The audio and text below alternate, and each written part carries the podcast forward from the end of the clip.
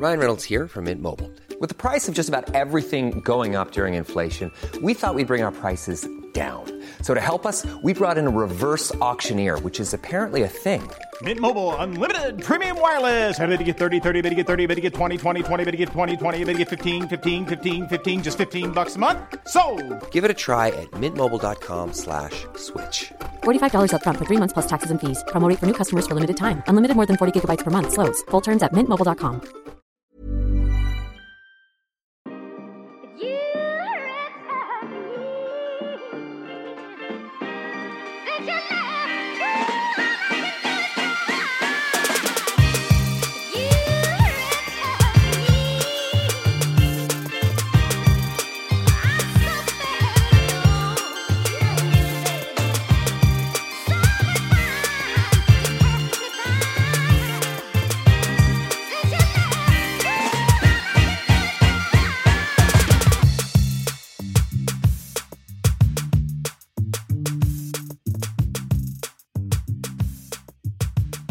Och vi är igång.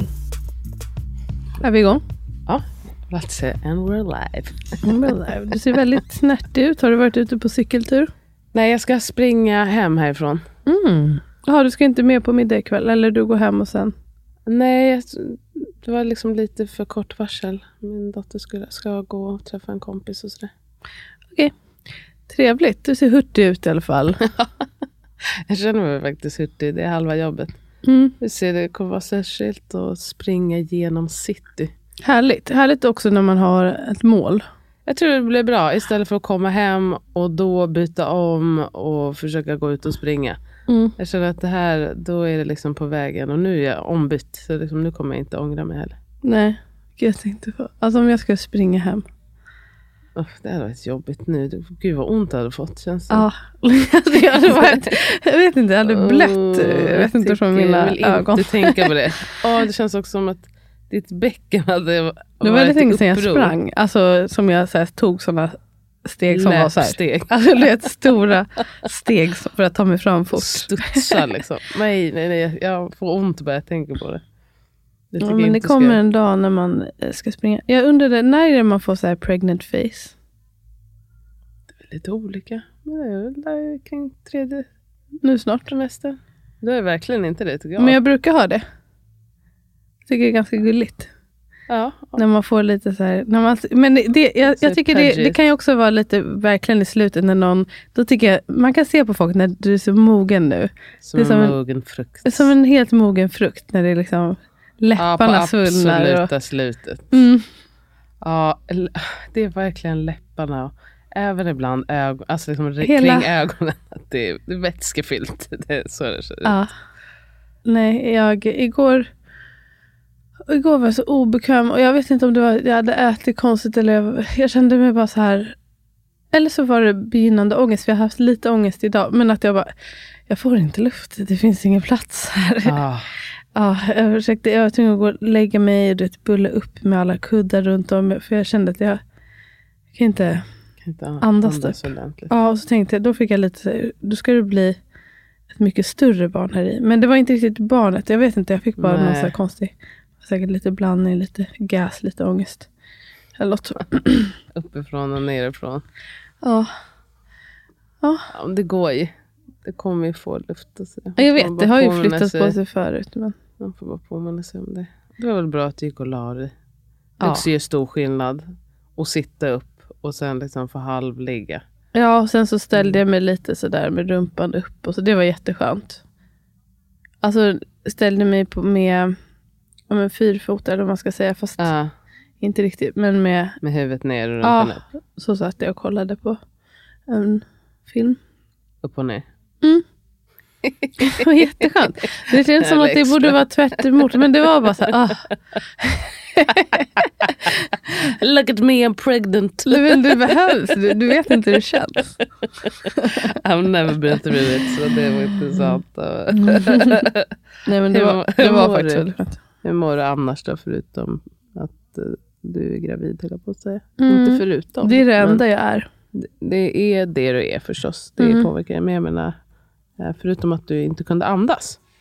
Överlag bra, men jag, Jag tycker tröttheten är, det, det tar över Påtaglig. ganska mycket. Och jag känner mig också... I, idag har jag varit lite ledsen, gråtit på morgonen. Och behövt lite kramar. Och, och igår, igår kände jag också så. Lite så här low. Men inte, något panik. särskilt bara att man är low ibland. Mm. Ja, Känns det hormonellt eller något? Lite low. Och jag känner också att jag hade bara velat... Jag har ett starkt sug efter att inte göra någonting. Ja, Och suget mättas inte. det är bara en månad kvar ändå. Tills du är ledig. Oh, Det kommer bli så skönt.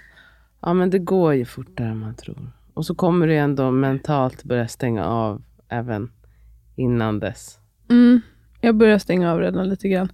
Men eh, jag, jag tänkte på, jag var hemma hos en kompis idag och jag bara pratade om att Gud vad snoppigt det skulle vara om den kommer så här vecka 37. Eller?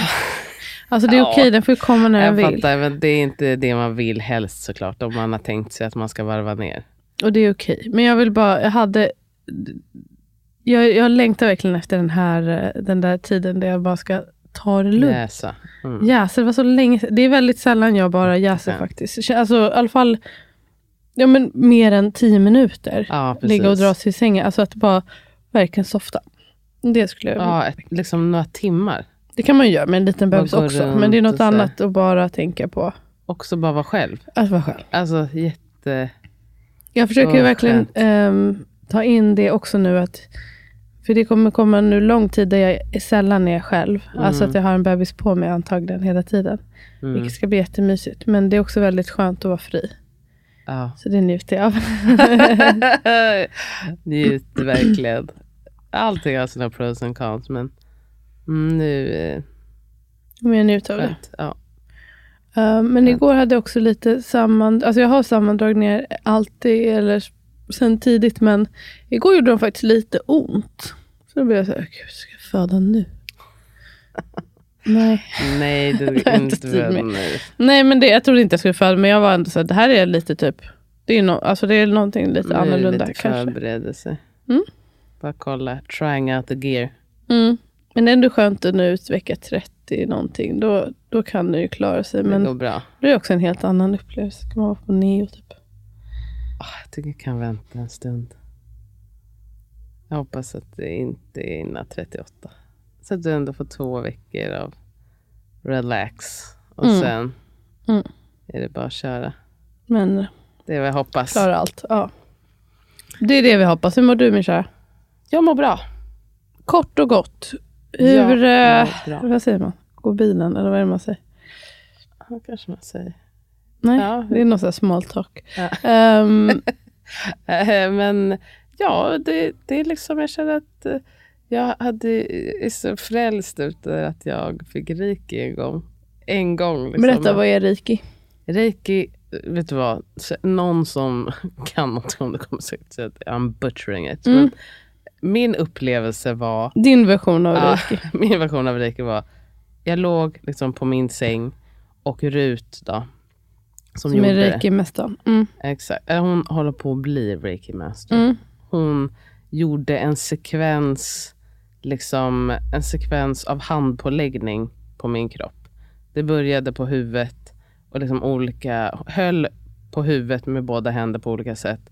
Och sen liksom axlarna och sen ner, ner, ner.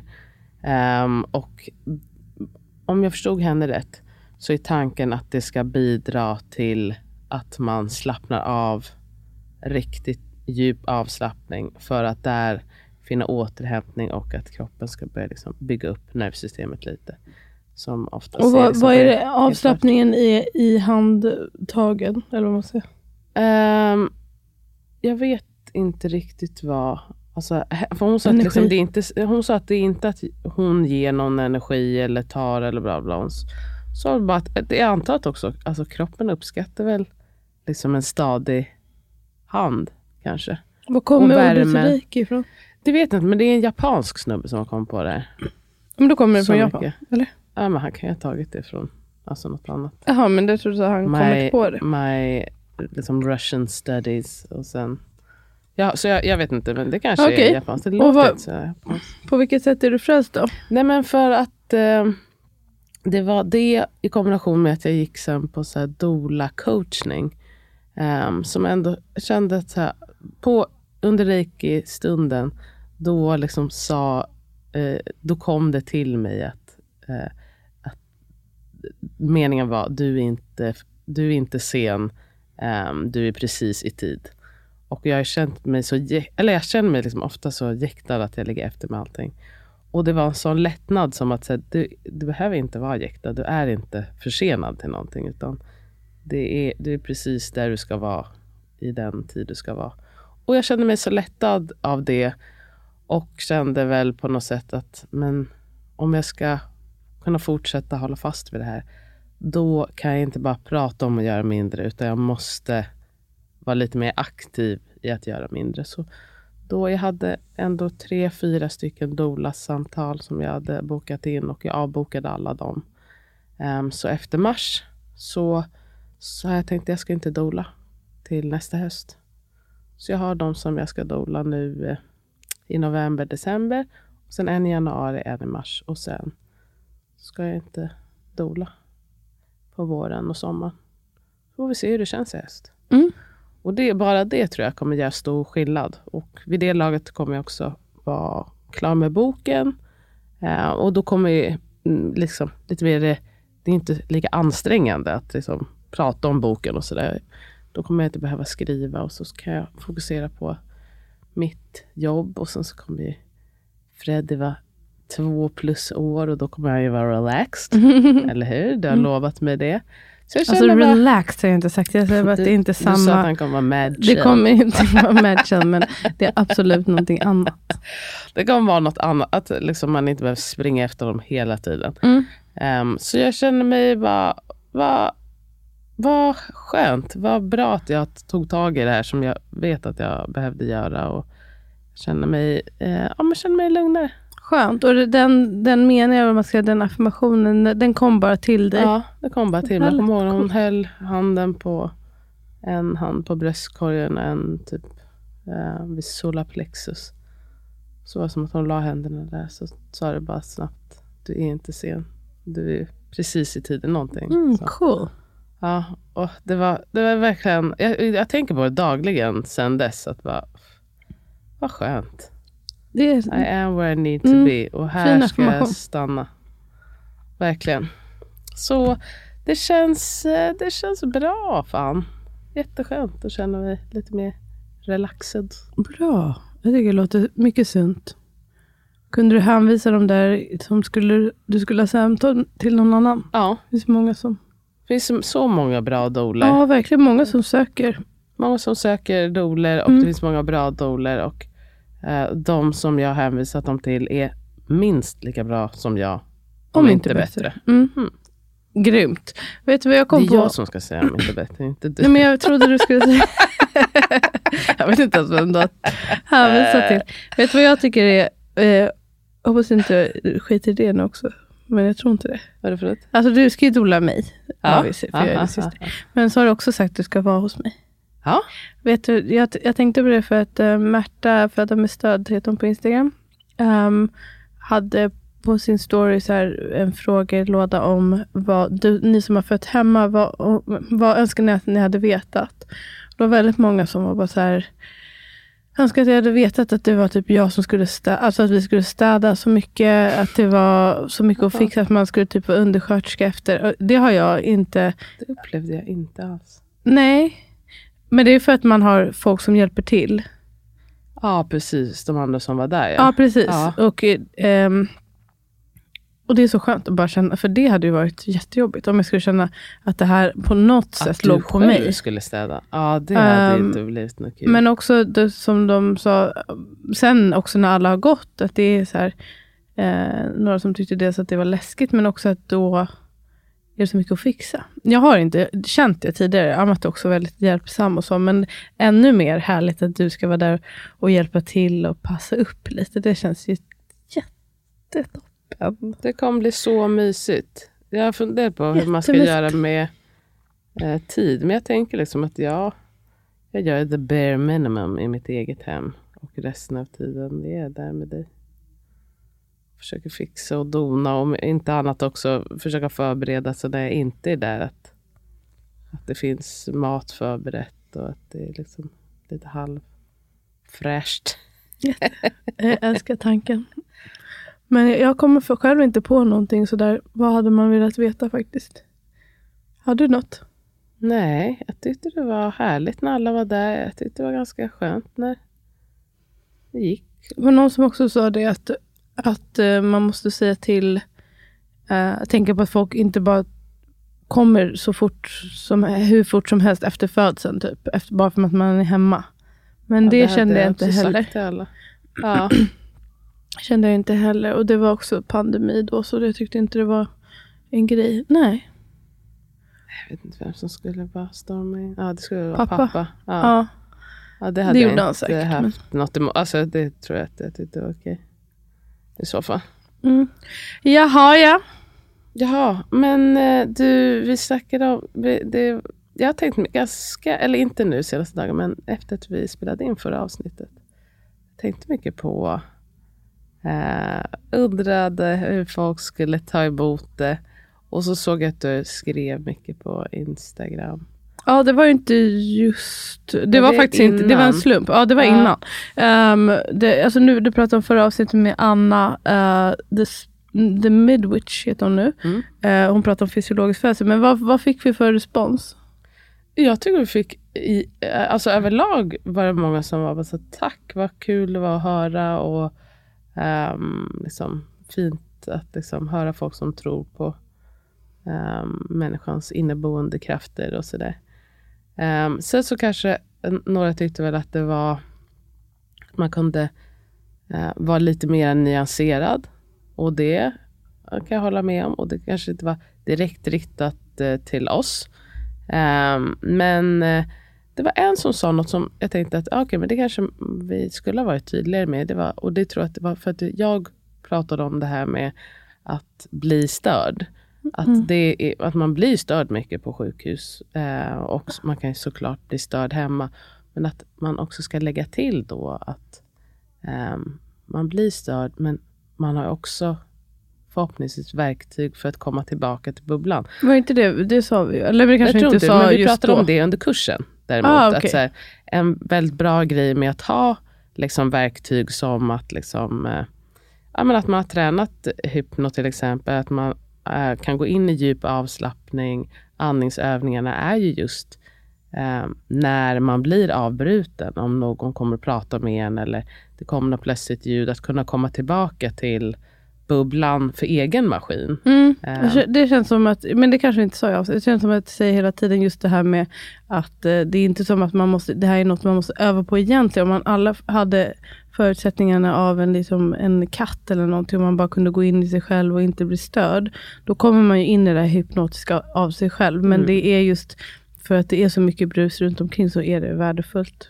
Jag tycker även hemma, så att man kan, alltså, vad vet jag, om någon kommer in, att man kan bli störd. Och bara vetskapen om att men jag har verktygen och jag kan liksom, även om jag skulle komma ut, komma ut, så kan jag också komma tillbaka. Att det är en sån trygghet också. Liksom, Ja, att verkligen. veta. Att man har någonting faktiskt. Och det, den här längtan efter kontroll som många har. Att okej, du kommer inte kunna kontrollera förloppet, men du, du har kontroll över hur du hanterar situationen. Med Exakt. mångt och mycket. Det kommer på en grej eh, som jag också skrev i frågelådan till Märtas. Um, angående hemfödsel också, angående det här med att man kan bli störd hemma. Alltså, jag har många också, tyvärr, historier om eh, personer som har känt att eh, de har haft en... Det är som en sjukhusfödsel fast i hemmet. För det är hembarnmorskor som inte är vana riktigt. Alltså dels är inte så trygga i det fysiologiska. Dels också är vana vid ett väldigt liksom, sjukhustänk. Och att det då det blir rakt av osäkert när man ska hålla på. Um, och dra med sjukhuset och också så här, göra mycket interventioner. Så jag hade en som skrev, hon var så ledsen. Um, med hur hon kände sig hetsad rent tidsmässigt. Och att barnmorskan pushade på amniotomi som inte lev, ledde till något. För jag var bara såhär, alltså i alla fall de som um, de hembarnmorskor som jag har pratat mest med skulle inte göra en amniotomi. Eller det, skulle krävas väldigt mycket, alltså ta hål på fosterhinnorna. Ja, Det är liksom de- en stor intervention. Så är de ju inte heller hetsiga Inte alls om med barnet tiden. mår bra och man själv mår bra. Nej. Alltså, eh, tyvärr hade jag ett, samt, ett liknande samtal idag med någon som jag ska dola. Att det var just Hem, vid hemfödsel. Ja, här. Ja. Men då hade det gått också så här 24 timmar med alla mådde bra. Och Mm. sen det här med att man blev, nu måste du.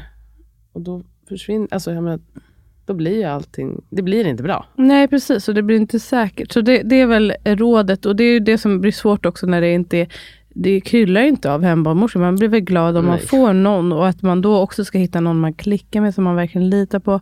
Ja men optimalt, i alla fall annars ha, ha också med dig eh, liksom extra stödpersoner och också vara tydliga innan, inte bara anta att alla hembarnmorskor har ett tänk. Det är människor och man måste vara tydlig med så här, det är det här jag vill med min hemfödsel. För det, det, det skulle faktiskt vara väldigt läskigt. Om jag skulle känna mig det minsta otrygg med den som bistår mig i hemmet.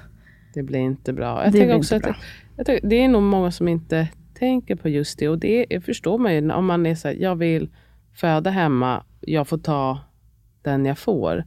Men att man tänker ändå ett extra varv att okej, om det är bara en person som är tillgänglig, ehm, så om det inte känns bra, så ta ett extra varv och fundera på om hemfödsel då bästa. blir rätt. Mm. Ja. Jag skulle faktiskt inte... För då Gambla vet du där. att det är den du får. Alltså på sjukhus, då, kan, då blir det ju en gamble också, men då kan du också få en jättetoppen person. Ja, och typ också mer utrymme att kanske då byta. Alltså Ja. att det ändå så är fördelen då med att det är många där. Om, om det är någon jag absolut inte gillar, kanske jag byter. Eller att man också kanske är ännu mer bekväm med att ja, men då är jag själv på rummet för det mesta. Mm. Medan hemma är det ändå viktigt att det är någon som jag verkligen litar på i alla avseenden. Nej, Precis. jag hade inte... Alltså om inte det var någon som jag verkligen kände mig helt trygg med, då hade jag nog bangat på det faktiskt. Jag tror Hemma. det. Men jag fattar Mm. också att, man, att det kan vara så jävla svårt. För att man bara, Ja, det här verkligen. är det jag vill. Och, Ja. Jättesvårt. Jätte, jättesvårt, jag förstår det.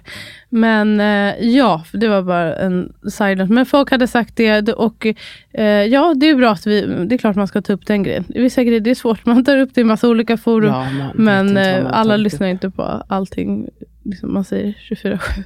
Tack och lov. Verkligen, tack man och lov. lyssnar kna- knappt själv eh, vad man säger 24-7. Men, Nej, men eh, jag tycker mm, överlag så tycker jag att det kanske... ehm, alltså vi fick ganska mycket respons. Jag tycker att det, det är väl inte Väckte kanske tankar. så... Ja, det, det väckte tankar. Och ehm, jag tror att jag var mer orolig för att folk skulle känna sig judged. Men jag hoppas att vi var tydliga där med att liksom, ehm, det finns inte något rätt och fel. Mm. Men eh, just att det, kom, det handlade om distinktionerna. Och också, som det jag tror Anna vill förmedla, att det är alltså att våga säga typ att det finns en förlust också i att, ehm, att det är så normaliserat att frångå det fysiologiska. Alltså Mm. det är inte bara för att man är så här, ska vara duktig och göra på det här sättet, utan att det finns ett stort värde som både man själv som förälder och barnet får med sig i att eh, Exakt, få liksom, vinst. göra det här. Eh, det som jag eh, hade en story om var, jag, jag kommer inte ihåg vad det var som föranledde det, men det jag definierade olika ords betydelse och det var jätteintressanta diskussioner om just det efteråt. Dels så fick jag lite, det var en, eller några stycken som kände sig, eh, det är alltid någon som känner sig liksom vad ska man säga, slided eller alltså Ja. att man känner sig kränkt typ. Och Mm. för det är, så här, det är så känsligt och jag tror att det är också mycket ja, men oläkta sår som rivs upp lätt. eh, Helt Ja. enkelt. För jag, jag höll inte riktigt med det hon sa om att ehm, jag typ antyder, att hon menar på att jag antyder att eh, induktion eller någonting alltid är dåligt. Typ. Men, för jag, hennes exempel var då hon, hon hade havandeskapsförgiftning och hon var tvungen att inducera så kände hon sig dålig för att hon var tvungen att göra det. Typ. Och, då, då, och då bad jag henne ärligt på ett ärligt sätt, vart, vart läste du det? Eller liksom, vilken del var det du läste in Mm. det? Och hon kunde liksom inte riktigt svara på det. Och då, då tror jag att det är någonting hos henne. Men däremot att man kanske ska, jag kanske ska vara ännu mer tydlig med att ehm, Typ när jag pratar om induktion, det är klart det finns jättebra tillfällen. Precis som jag tycker det finns tillfällen som det är i synnerhet klokt att föda på sjukhus. Det är väl att det, Ja, det dels att man vi. säger saker hela... Jag, jag tycker att jag säger det hela tiden. Men, det är för att vi gör det. Ja. Okej. vi säger faktiskt hela, också med alla interventioner, det finns en tid och en plats där de är inte bara liksom bra att ha, utan nödvändiga, livsviktiga ibland. Mm. Jättemånga utav dem har ju räddat jättemycket liv. Det, det tror jag, alltså är man, lyssnar man med öppna öron, då har man hört oss säga det många För, gånger. och de allra flesta förstod det och så. Men, eh, och det är därför jag tycker just att det är så viktigt att, att definiera vad det är man menar. För eh, det finns ju definitioner, men de tolkas helt olika. Det var många barnmorskor som skrev till mig, just det, nu- partus normalis, PN, som man Ah. bedömer. Um, alltså när någonting, att det är en normal förlossning som är då barnmorskans um, huvudexpertis ska det vara. Och det var det många som skrev att det definierar folk helt annorlunda. Jag, Jag har tänka mig. också läst i journalen när de pratar om um, PN med sugklocka. Det är inte ett PN då om det är sugklocka. Vad, vad är då? Då är allting som Inte inte, är kejsarsnitt. Då. Ja, typ. Och då är det någon som tolkar så. Det var någon som sa, ja men, ehm, ja, men basically all, alla vaginala födslar räknas då Okej. som PN. Medan andra har åt helt andra hållet. Att det är typ fysiologisk födsel. Alltså det ska vara helt typ interventionsfritt. Så å ena sidan det- finns det inga PN, å andra sidan finns det typ bara PN. Det här Ja. blir så svårt också med statistik och Jättesvårt. Eh, också så svårt, att, när, just när man pratar säkerhet, just när man pratar om hemfödsel, om man, om man pratar om det mycket, då blir det också så tydligt, vi pratar om helt olika saker. Ja men visst. Ehm, så där tänker jag att det är jätteviktigt. Och då var det någon som sa, borde inte du som vårdpersonal följa, det här var nog innan jag tog upp det här med PN, men eh, följa liksom de definitionerna som finns. Men det är kanske tås att säga att fysiologisk födsel, det är inte en vedertagen term inom vården. Ja. Men jag tycker den är viktig och bra just för distinktionen. Det, det som är normalt är ju ganska flytande. Det förändras Verkligen. med tiden. Det tänker jag verkligen är något. Alltså det är två saker många inte tänker på. Speciellt när man pratar om vården. Att man pratar om evidens och det ena med det tredje. Att man glömmer bort att allting ska tolkas av människor. Och människor är ju också färgade av liksom sina tidigare erfarenheter. Och man kommer, samma resultat kan ju läsas helt olika av två olika personer. Mm. Och det måste man ha med sig. Alltså vetenskap är liksom inte svart eller vitt. Det är massa saker som man har trott sig veta inom vetenskapen som sen har visat sig inte vara så. Och Det handlar om hur fick man fram informationen? I Vem- vilken kontext? I vilken kontext? Vilka var det man hade med för att liksom eh, komma fram till det här? Vem var det som gjorde analysen? Vem är det som tittar på resultatet av analysen? Allt det här är, spelar roll. är, det, är det helt blinded eller kan det finnas någon bias där? Det är ganska viktigt. Det är jätteviktigt och jag tror att många litar liksom blind på att man bara, ja men eh, vi, vi eh, liksom, det är forskningsbaserat, det är, vi har gjort studier. Men så, så har, liksom glömmer man bort att, ja, och jag tror att de flesta har gjort studier och man liksom använder resultat på bästa sättet man kan. Men man gör sig en otjänst om man tror att någonting som vi kommer fram till är en absolut sanning. Mm. Verkligen. Och det tycker jag också, just distinktionen med fysiologisk födsel tycker jag är viktigt just när man pratar forskning. För att ehm, alltså den stora majoriteten forskning som förlossningsvården bygger på är inte baserad på fysiologiska födslar. Ehm, utan på det sättet, det som är normalt i den tiden. Som exemplet jag brukar ge är med partogrammet som används fortfarande. Action line används inte på de flesta ställen där man har en ganska snäv tidsbegränsning. Men det här partogrammet som visar ungefär öppningsskedet och eh, hur det ska gå till. Det gjordes på 500 kvinnor. Det här var på 50-talet av en snubbe som heter Friedman. Ehm, och eh, de stora majoriteten av dem, dels fick de, hade de epidural eller nej, 50-talet. De var i alla fall starkt bedövade, Mm. om det var med, inte kloroform, jag kommer inte ihåg, men de också förlöstes med tång. eh, nästan alla. Men skopolamin var det väl många som Ja, kanske. den. Jag kommer inte ihåg nu. Men det, det var i alla fall väldigt, alltså en supermedicinsk eh, födsel. Och att det är också tång och det, det, det säger ju någonting om att är det här, Är det det vi ska basera, ska vi basera nu alla på det här? verkligen, Men det är att man blir blind för det som är normalt i sin tid. i sin tid? Ja. Mm. Men därför just att även, och jag sa det till den här personen att ja, det bästa vore om man hade en konsensus, men tills det finns att man i alla fall är tydlig och definierar för sig själv och till andra. För hon bara, men hur ska jag veta vad min barnmorska menar när hon säger normal? Ja, kanske du, inte fråga. vet. Du får faktiskt fråga. Ja. Vad menar du när du säger det här ordet? Vad lägger du i det? Det är en intressant diskussion och bra för Verkligen. den personen också att få definiera.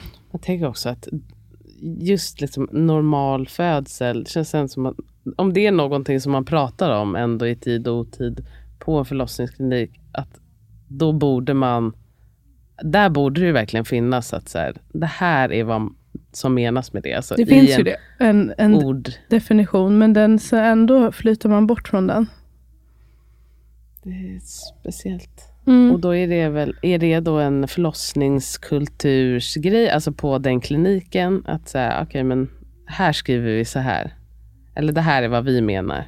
Ja, kanske. Eller för, I och för sig, de, även när jag kollar på SFOGs definition, um, så är den också så här med lite ja, men den grundas på WHOs definition som också inte är helt tydlig, för det finns lite olika.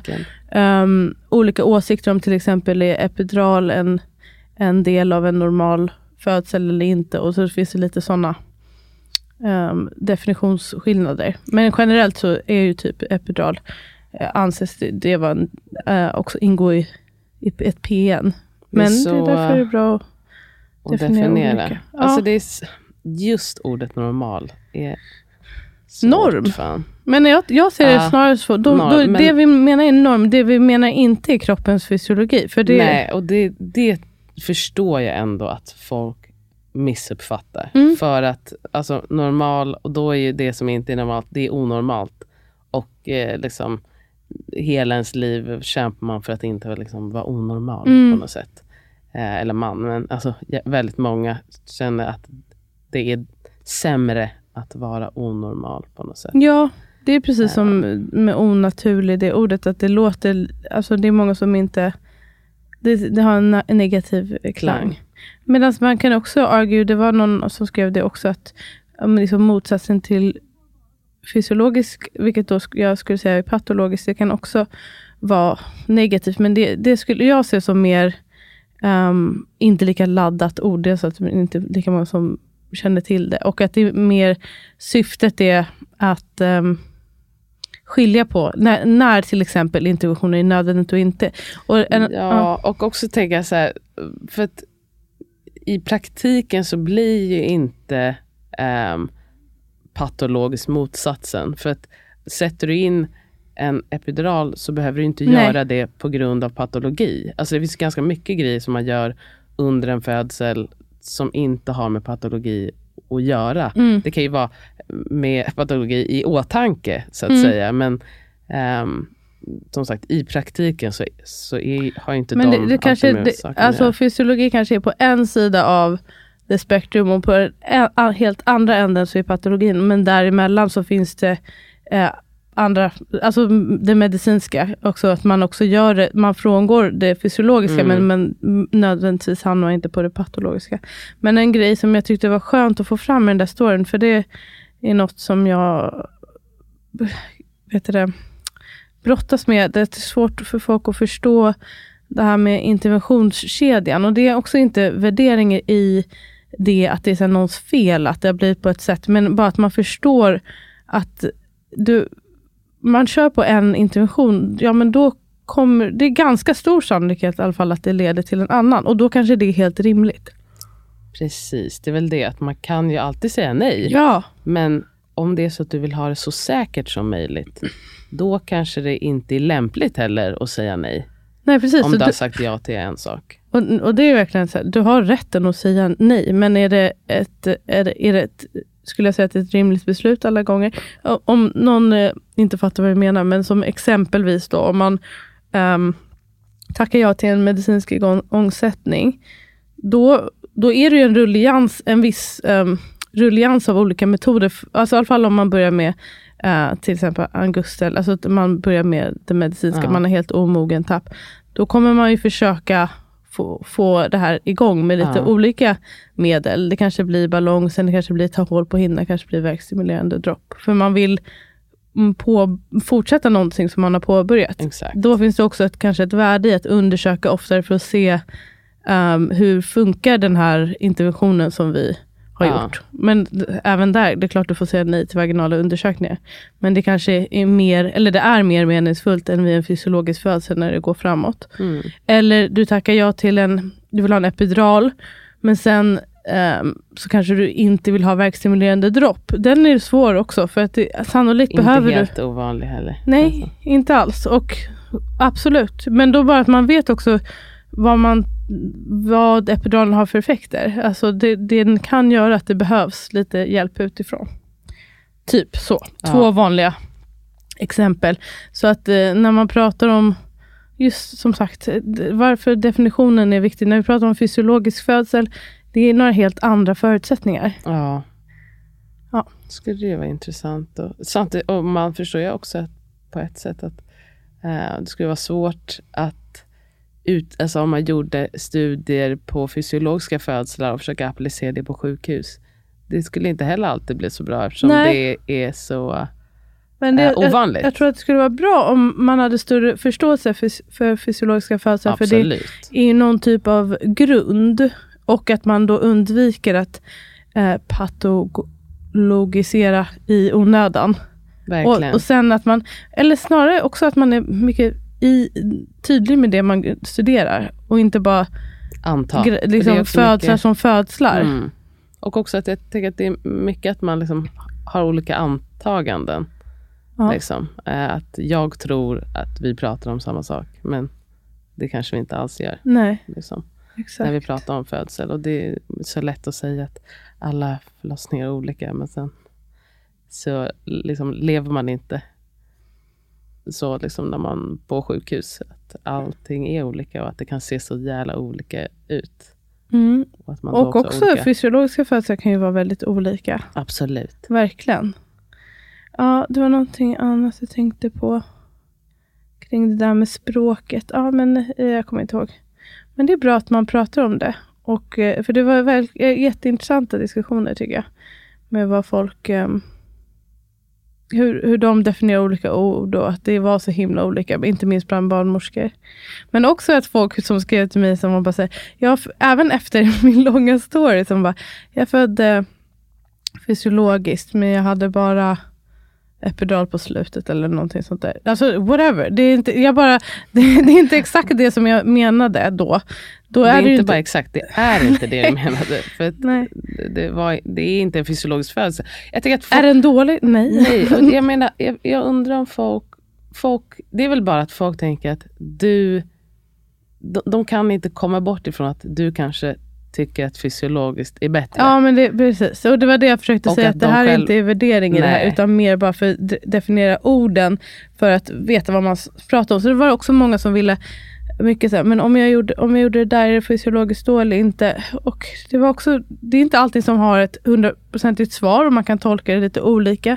Och också, Ibland är det det också så här, spelar det roll? Ja. I den, det spelar kanske inte roll i alla diskussioner. Jag tycker däremot det spelar roll, mycket roll i det som jag pratar om mycket med hemfödsel och säkerhet. Ja. Sen så, liksom om du upplevde att det, det kändes som att du födde i all din kraft och du, det gick framåt som du ville att det skulle gå framåt. Och då, jag tar inte något ifrån Då din det upplevelse. perfekt. Ja.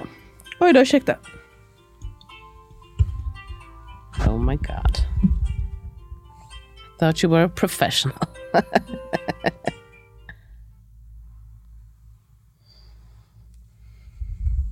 Ja. Då kommer vi tillbaka till det här med alltså, att man jämför sig så mycket och man, man vill ha liksom någon typ av validation. Att eh, min liksom, upplevelse var så bra som jag vill att den ska vara på något sätt. Mm. Jag, jag, jag... Det som jag vill, ville verkligen förmedla mer att så här, vi har alla olika förutsättningar. vi har olika förutsättningar, vi vill också olika. Alltså på riktigt så har jag ingen åsikt om hur någon annan gör. Däremot att jag önskar alla bästa möjliga upplevelser och att de ska Ja. känna sig stärkta i det. Men Och också veta vad det finns för möjligheter. Ja. Jag tänker det är också en ganska stor grej. Man, man kanske inte ens vet vad det finns för möjligheter. nej, Alltså vet man inte heller någonting om skillnaderna på hur födslar kan vara fysiologiskt eller icke-fysiologiskt, då är det också svårt att liksom, ehm, drömma om liksom, the full scope av vad ens födsel skulle kunna vara. Vet man liksom inte alla alternativ, men man vet många, Mm. då kan man också se lite tydligare, ja, men, okej, det här är de grejerna som är viktigt för mig. Och de här grejerna är mindre viktigt för mig. Och då kan man liksom försöka styra därefter. verkligen. En sak som jag tycker att vi, eh, eller inte tycker, utan som eh, inte var, vi pratade tillräckligt mycket om, det är vad kan man göra för att eh, liksom gynna det fysiologiska födandet på sjuk, om man ska föda på sjukhus. Det tror jag ändå att det är många, många vill ändå fösa, fö, fösa fysiologiskt, eh, föda fysiologiskt. Och vad, vad kan man göra för att liksom ge sig själv så goda förutsättningar som möjligt? Mm. Jag tänker att, sak- alltså, jag tänker att det kan vara va- värt att tänka på att ju, ju längre man är där ändå, då är det lite större sannolikhet att man kommer frångå det fysiologiska. Mm. Om man känner sig bekväm, att man kan vara hemma. Att, speciellt om det är så att man ringer och de säger men vänta lite grann, att det inte per automatik behöver vara något dåligt. Utan att man kan se det som en chans att okej, men jag får vara hemma här i liksom, min trygga vrå. Mm. Um, om man känner så. eh, man Det som är så svårt med det här, och det här, jag, man blir galen på hur systemet är uppbyggt, för att det är ju, eh, man liksom präntar ju verkligen in att det är sjukhuset som är den trygga platsen. Det är här Mm. du ska vara, känna dig trygg nog att kunna föda, men eh, man får inte möjlighet att komma in där när man När man vill. vill. Eh, och och det, det här kanske vi pratade om sist, men att det är ju någonting som dels man gör kanske på grund av ehm, platsbrist, men också som, det får man också lära sig under barnmorskeutbildningen, minns jag, just det här med att ju längre tid på sjukhus, desto läng- fler interventioner. Och Mm. det är en anledning till att man inte vill att man ska komma in under latensfasen, utan, för då kommer det, man börja göra grejer som eh, i sin tur har sina risker. Ehm, men det blir, så då som barnmorska ska man då skydda någon från sjukhuset, som man samtidigt säger är liksom, Du måste är vara du, du måste vara här och det här är din trygga plats. Så det, blir, det kan ju absolut bli väldigt förvirrat. Så det jag, kan bli jätteförvirrat. och det är inte optimalt. Optima, det som hade varit drömmen om det fanns lite mer sådana här typ latenshotell eller Mm. liknande. Och att man får komma in när man vill och att man också kan då, att det inte behövde betyda att man gör massa grejer. Men det är absolut, om man känner sig, man kan, om man kan liksom försöka kultivera någon typ av trygghet i sig själv.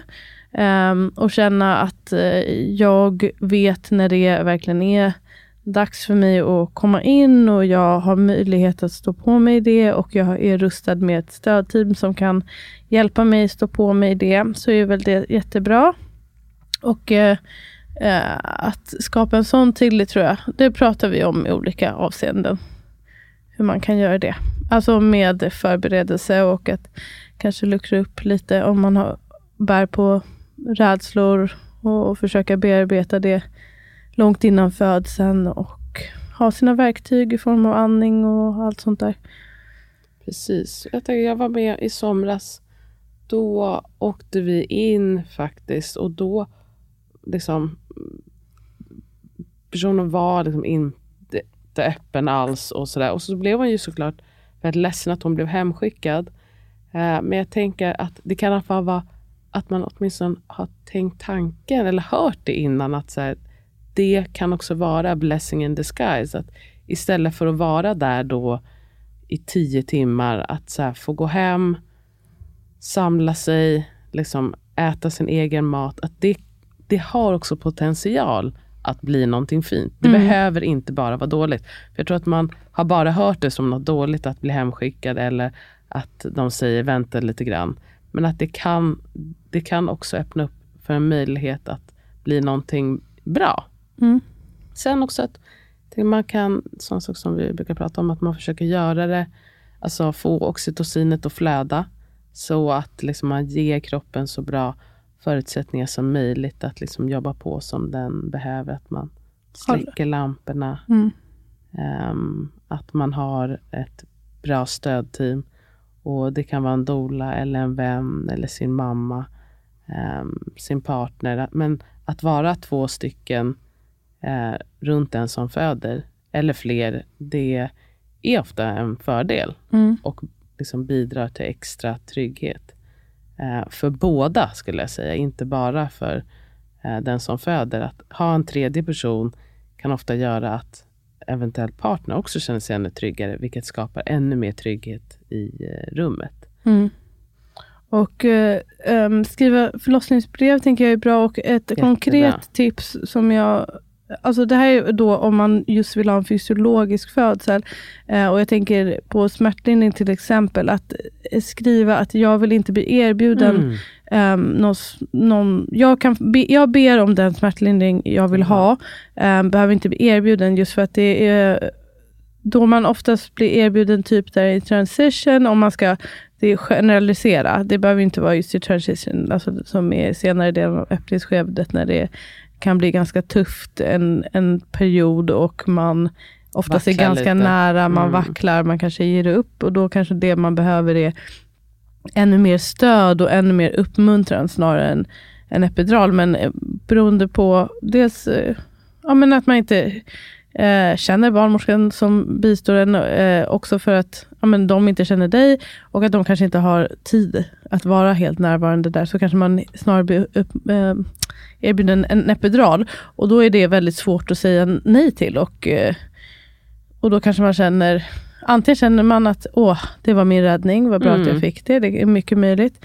Men man kan också känna att ja, men om inte jag hade fått den där frågan, då hade jag inte ens kommit att tänka på det. Och då Mm. hade det gått. Och det kan vara bara en så här, just för att man vet att det, man är väldigt mottaglig och man tar den arm som räcks ut. Men Ja, om det är precis. epiduralarmen, då tar man den också. Och det kanske inte är det. Mm, Ja, men Så. absolut. Då, jag frågar själv. ja, exakt. tips. Det är jätte, äh, jättebra tips. Och så, så som jag, jag det som skrivit till mig, alltså att, eh, det, det tål att sägas tusen gånger. Det handlar inte om att säga nej till massa saker. Men man kan fundera på, då, alltså lära sig lite om de vanligaste interventionerna och känner man att liksom, man inte är jättesugen på något, att man kan skriva um, jag tar gärna det här vid behov, inte på rutin. Um, för att det, um, det behövs någonting, då är det såklart bra att ta det. Uh, behövs det inte. Det handlar också om att bara stanna upp och kolla, behövs det här? Och inte bara, för att det här ger vi till alla, för så gör vi bara. Och att man behöver inte, man gör ingen en tjänst genom att bara, okej men då gör jag så bara för att det är så ni brukar. Om det inte är någonting som du vill så kan man säga just det, Mm. jag, jag tar det vid behov Precis. Och istället för vid rutin. Eh, vaginal undersökning är en sån, ett exempel på en Mm. sån. Alltså det, ehm, just som sagt, det, det finns sin tid och sin plats. Men vid fysiologisk födsel eh, där allting går, verkar gå framåt, barnet och den som föder mår bra. Det är ju inte så att man behöver göra vaginal undersökning för att det ska gå framåt. Snarare kanske det kan finnas ett värde ibland att inte veta exakt centimeter eftersom man blir, kan bli så himla locked in på det. Mm. Eh, och så- och också den som föder kan bli ganska nyfiken och vill ofta också veta efter ett tag i och för sig. För vi är, man har stort fo- fokus på de där centimeterna. Men Och det kan vara också siffror, mm. någonting att ehm, överväga att inte foka så mycket på eventuellt. Men eh, med det sagt, det, det kan man möta ett motstånd för. Men man har rätt att säga Absolut, men menar, även om man kan möta ett motstånd. Man, jag tänker ändå att man måste utgå ifrån att vad är det jag vill? Och det är det som jag kommer skriva också i mitt förlossningsbrev. Och det är det liksom jag och mitt team kommer prata om att vi vill. Mm. Ehm, och sen så ja, blir det diskussion, ja då blir det. Men eh, ibland blir det inte diskussion. Så, är det, eh, så går det bra och så kan man vara glad att man har skrivit, gjort det väldigt tydligt i sitt förlossningsbrev. Jag hade några diskussioner med folk som, det var dels en barnmorska som skrev, alltså hon var inte nöjd med det, men hon var bara så här, i Stockholm, det, vi har alltid så mycket, det är alltid fullt. Så att vi måste göra CTG och vaginal undersökning för att veta vem som ska få plats. Och då kände jag dels, uh, vad sad, uh, men också att är det, där kan man verkligen fundera på, är det liksom det bästa måttet på att veta vem som Mm, behöver mest stöd? Alltså det kan ju vara en som är inte är öppen alls då. Uh, Okej, CTG, om du ser någon som har det värsta patologiska CTG, då är det ju bra att komma in. Mm. Men ehm, någon, jag vet inte, det, då sätter man alldeles för stor vikt vid det här med centimeterna som de ska, det ska säga så himla mycket om hur långt det är kvar då antar man. Verkligen. Och Det, är så långt det är kvar och det hur, vilket, hur mycket stöd man behöver. Det är så svårt att förstå. Alltså, det, det vet man ju att man inte kommer veta. Nej, men det, långt det kvar. det vet inte alla. Och jag vet inte om, om det, det hon menade var att just att man ska leta efter någonting patologiskt och då ta in dem. Men jag tror inte att det handlar om det, utan det Nej. är mer... Och det, det är verkligen skevt. Det, Och det är också- verkligen Jag blir också ledsen för att jag känner att man inte, gud vad man inte får ut, om man snackar obstetrisk sjuksköterska, vad man inte får utrymme att eh, liksom använda flera sinnen för att kunna Mm. bedöma en sån sak. Ehm, och det var också när jag pratade med några andra barnmorskor om det och då var några så här, men om man inte känner sig bekväm att eh, acceptera någon som säger nej till det här, då måste man hämta en kollega som är bekväm med det. Det är inte Ja. okej liksom. Exakt. Ehm, Exakt. Det är inte tvång. Det var ju någon som skrev det också, att hon, hon var ganska nybliven doula och hon hade fått kravet med två eh, av hennes, de som hon har varit med, på eh, omföderskor båda två som har blivit då påtvingade, eller de får inte bli insläppta om de inte gör vaginala undersökningar och de ville inte göra det, men det var tydligen krav. Och så hade de fött också strax efter. Alltså fem timmar efter eller någonting sånt där. Men eh, det, det tycker jag är helt... Patientlagen med. Ja, det där är inte lagligt. Patientlagen. Det är inte det. Alltså, ja. Fan, det där är inte okej. Ja, ja, Men man ska ge ska lite så. mera tips. Tänker jag. En annan bra grej kan vara att om det finns ett badrum, att vara i badrummet. Mm. Där eh, brukar folk inte storma in på samma sätt om, om personalen behöver komma in bara för att hämta någonting eller skriva någonting på datorn så blir man inte störd av det för att man själv är inne i badrummet. Där kan man oftast göra det mörkt. Ehm, och liksom, det är ganska lätt att få eh, stillsam stämning. Och varmt ombonat. Men Ja. du, när du säger det, då kommer jag på, vi har ju ett helt avsnitt om det här. Hur gör man sin eh, sjukhus... Alltså, vi har ett helt avsnitt. Aha, ja. okej. Ja, Jag kan, jag kan länka, för vi sa exakt det där tipset. Vi har ett avsnitt eh, av bra tips. okrystat om hur, typ, det heter någonting, typ så här, hur föder jag fysiologiskt på sjukhus eller någonting. Aha, okej, perfekt. Well, Så kolla in det. Det var en påminnelse. Jag hade tänkt berätta när jag eh, skrek på Amat. Jag gör aldrig det. Skrek på honom. Ja, Du blev vansinnig. Och eh, ja, jag skrek alltså så här. Skrek och, eh, och båda barnen började gråta. Ja, Lalo fick... Han tyckte inte om det. Men jag rädd, kan, berätta jag kan berätta nästa gång. Det, Ja. För det blev, det blev okej. Ja, han blev, Ja, han blev rädd. blev okej. Nej, och Say blev typ rädd. För han, han alla... Jag Ja, vet vad inte, vad är det som händer? händer? Han frågade oss i morse, då höll vi på att prata om den här renoveringen. Alltså vi bara pratade normalt. Han bara, Normalt. bråkar ni? Alltså vi brukar inte ens. Ja, men det är därför han är helt skärrad. Nu, han Äh, ja. Men jag ska berätta om det. Påminn mig nästa gång. Det ska jag verkligen... Bråkar ni nu? Eller han var inte så- Eller han frågade mig om vi bråkar. Nej, vi bara pratar. Det Pratar om renoveringen. man bara, vad fan, både Lalo och Sia kan verkligen skrika till riktigt ordentligt. Och sen när någon annan gjorde det så bara, oh my god, nej, nej, nej, nej, nej. Nej men de har Så aldrig... bara. Vet du, jag tror... Alltså har jag någonsin skrikit på Amat? Nu har du det. Ja. Jag, alltså, jag har höjt rösten och varit otrevlig. Men alltså, var Jag så kan här, liksom inte heller... För... Vad Hur sa jag något? reagerade han? ja, jag tar Shit, hela historien sen. Okej, jag, är, jag är spänd. Ja. Eh, Okej, ja men det blev väl lite summerings, eh, summeringsavsnitt. Det kan man också behöva ibland, reflektera lite grann. Eller hur? Mm, ja.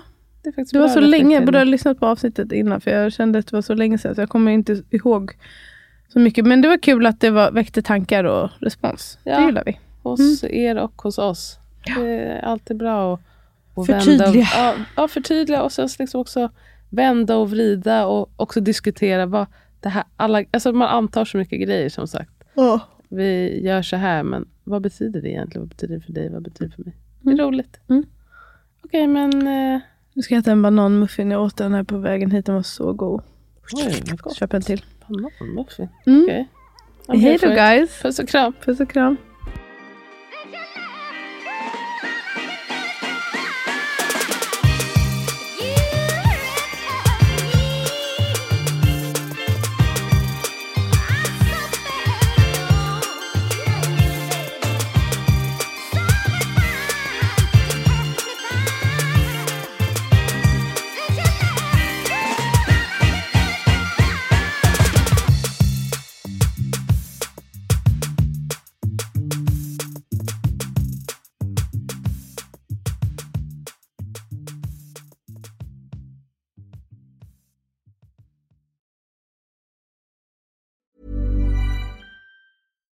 Deserves the best, and there's no better place to shop for Mother's Day than Whole Foods Market. They're your destination for unbeatable savings, from premium gifts to show-stopping flowers and irresistible desserts. Start by saving 33% with Prime on all body care and candles. Then get a 15-stem bunch of tulips for just $9.99 each with Prime. Round out Mom's menu with festive rosé, irresistible berry chantilly cake, and more special treats. Come celebrate Mother's Day at Whole Foods Market.